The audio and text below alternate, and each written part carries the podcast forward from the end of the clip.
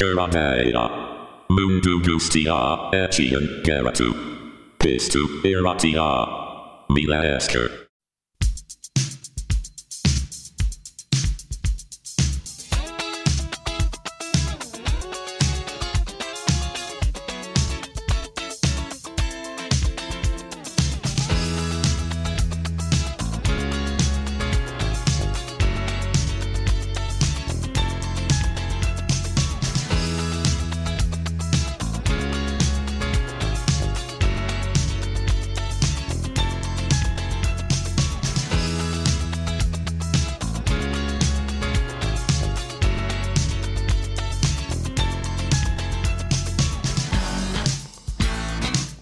kaixo guztioi, ze modu zaudeten?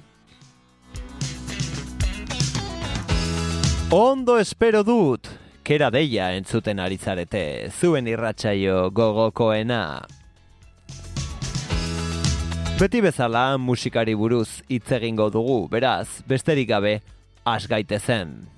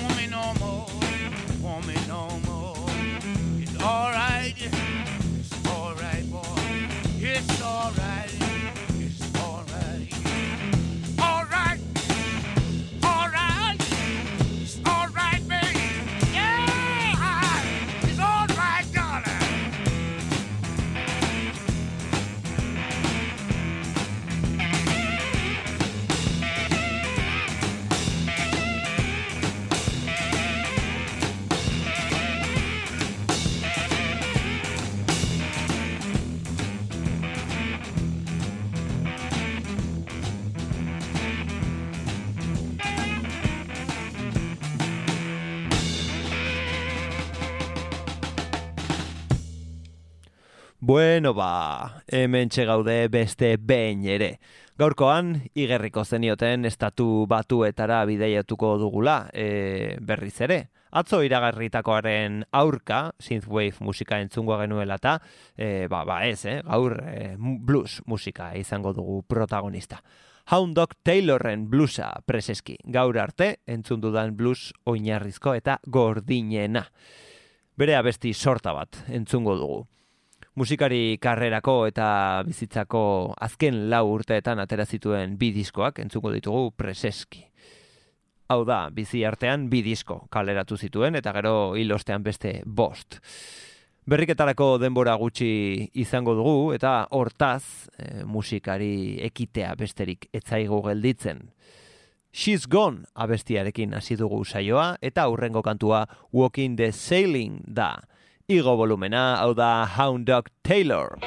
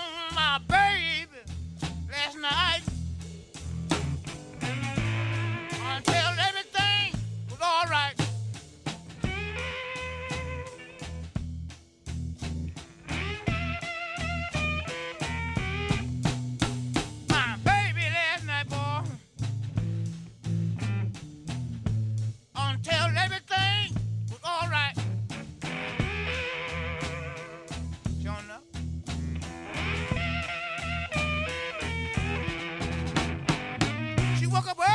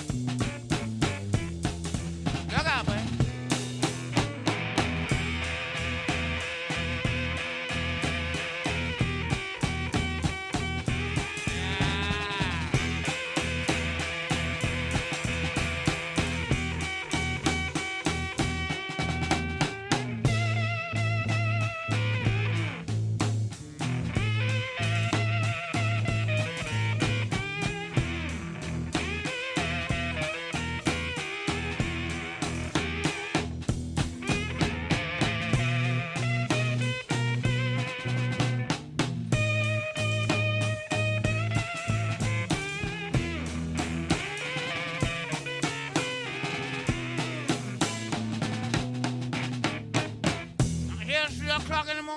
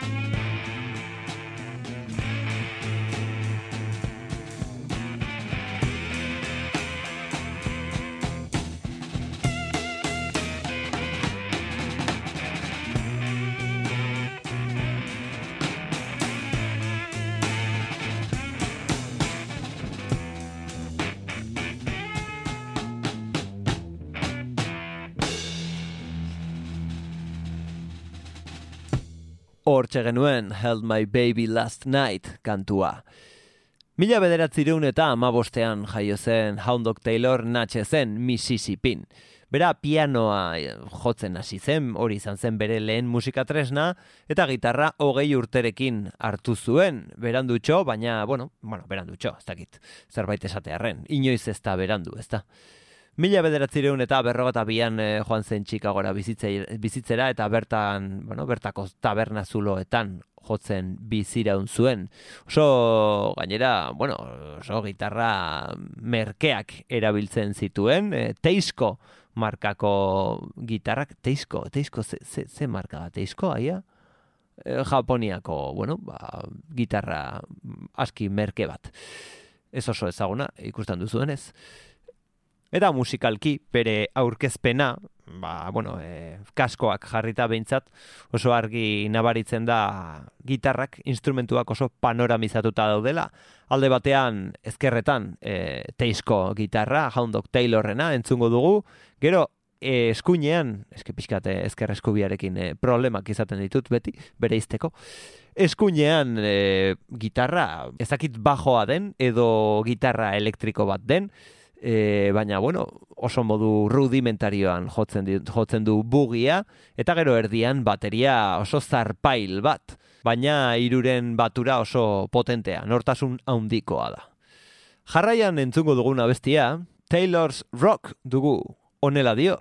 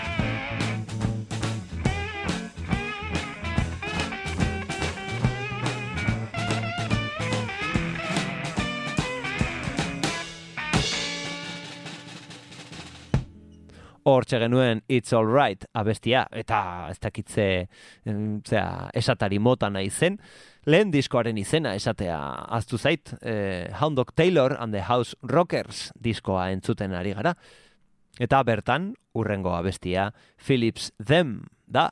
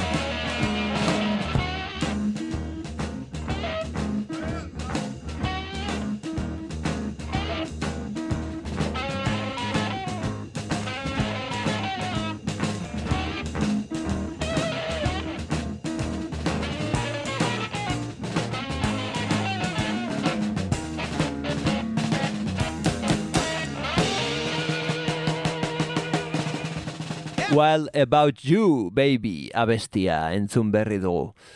E, datu kurioso bezala, esango dut, e, Hound Dog Taylorrek polidaktilia zuela, hau da, e, atzamar normala, baino atzamar gehiago edo behatz gehiago e, zituen, Ko- konkretuki eskuetan e, atzamar bana extra zuen. Naiz eta hauek ez zuten inongo mugikortasunik, eh, ez, zuten ezertarako balio. Hau da, ez zuen gitarra hobeto jotzen gainera, entzuten duzu, e, bi atzamarrekin, bi atzamarrekin ere jo zezakeen gitarra edo batekin.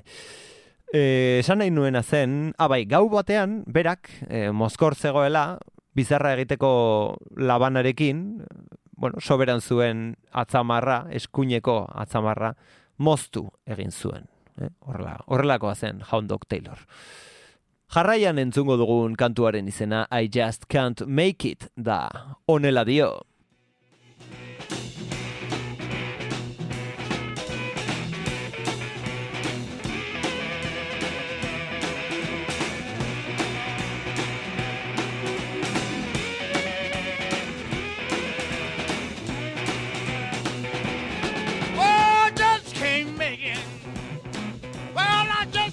It, woman. Well, I just can't make it. Well, I just can't make it. Well, I just can't make it. I can't make it anymore. Well, I went home last night about the break of day. She said, look at that, that I'm, I'm going away. I tell you now something that you don't know. You done something last night you didn't do before.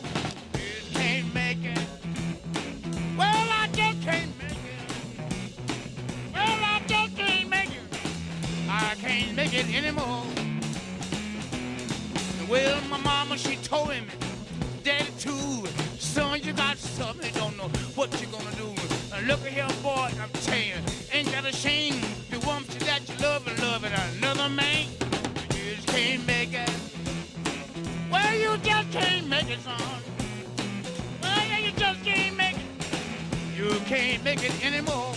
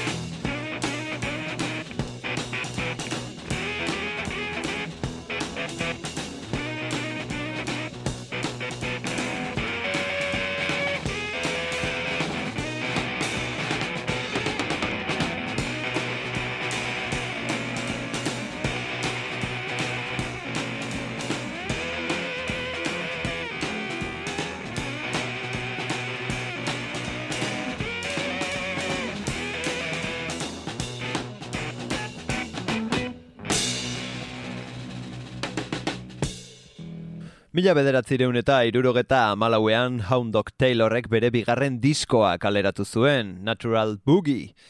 Aurrekoa baino azkarragoa da, eta, bueno, abesti gehienetan eh, sliderekin jotzen du gitarra. Askoz ere gordinagoa da, aurrekoa gordina bazen, ba hau are gordinagoa. Take Five kantuarekin hasten da, honela dio.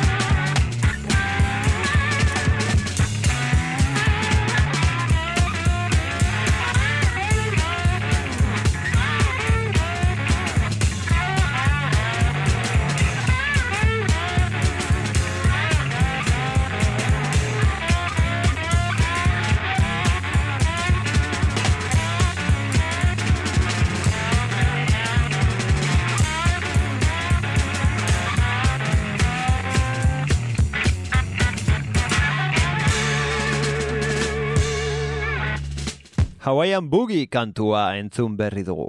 Ikusten duzue azkarrago izateaz gain, diskoa azkarrago izateaz gain, oinarrizkoagoa dela ere, ez? Blusa simplifikatu egin du. Berez, mm, blusa dena baino simpleago egin du. Eh, ba, ezinezkoa dirudi, baina bai, lortu du. Jarraian entzungo duguna You Can't Sit Down kantua da. Honela dio.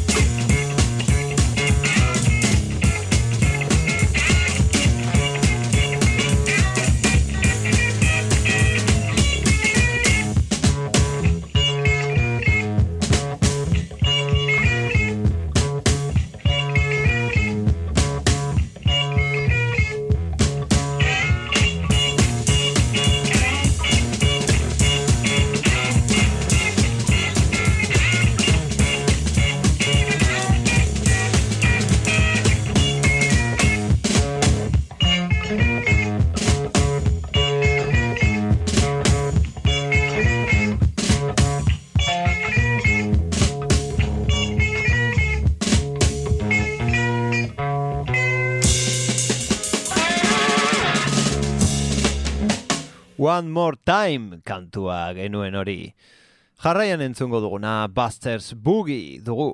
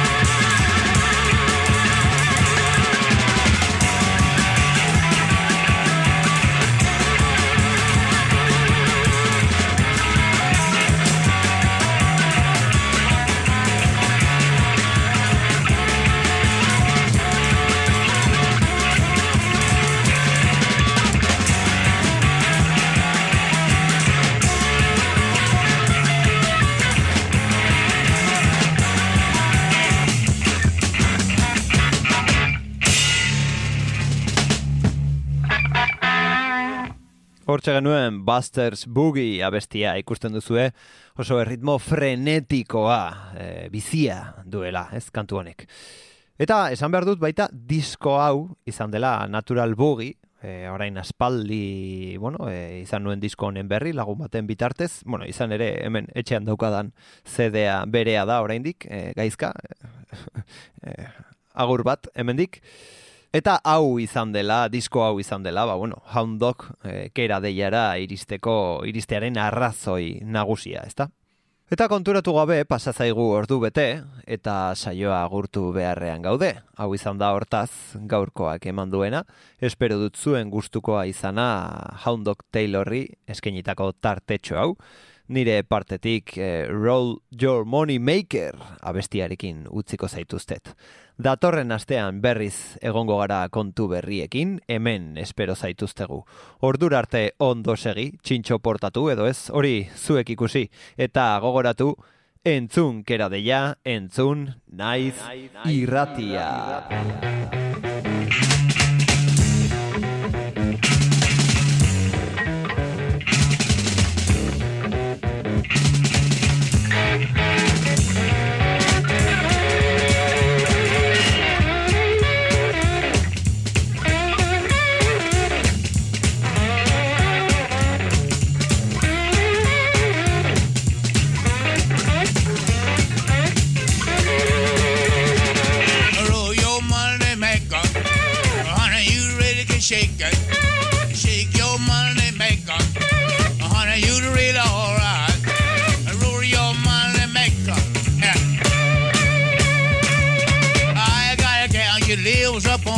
live. Well, I got a gal, she lives up on the hill. Well, the fool trying to quit me, man, but I love her still. She rolls her money maker. my boy, She's ready to shake it. Shake your money maker. Uh-huh, Honey, You're ready, all right.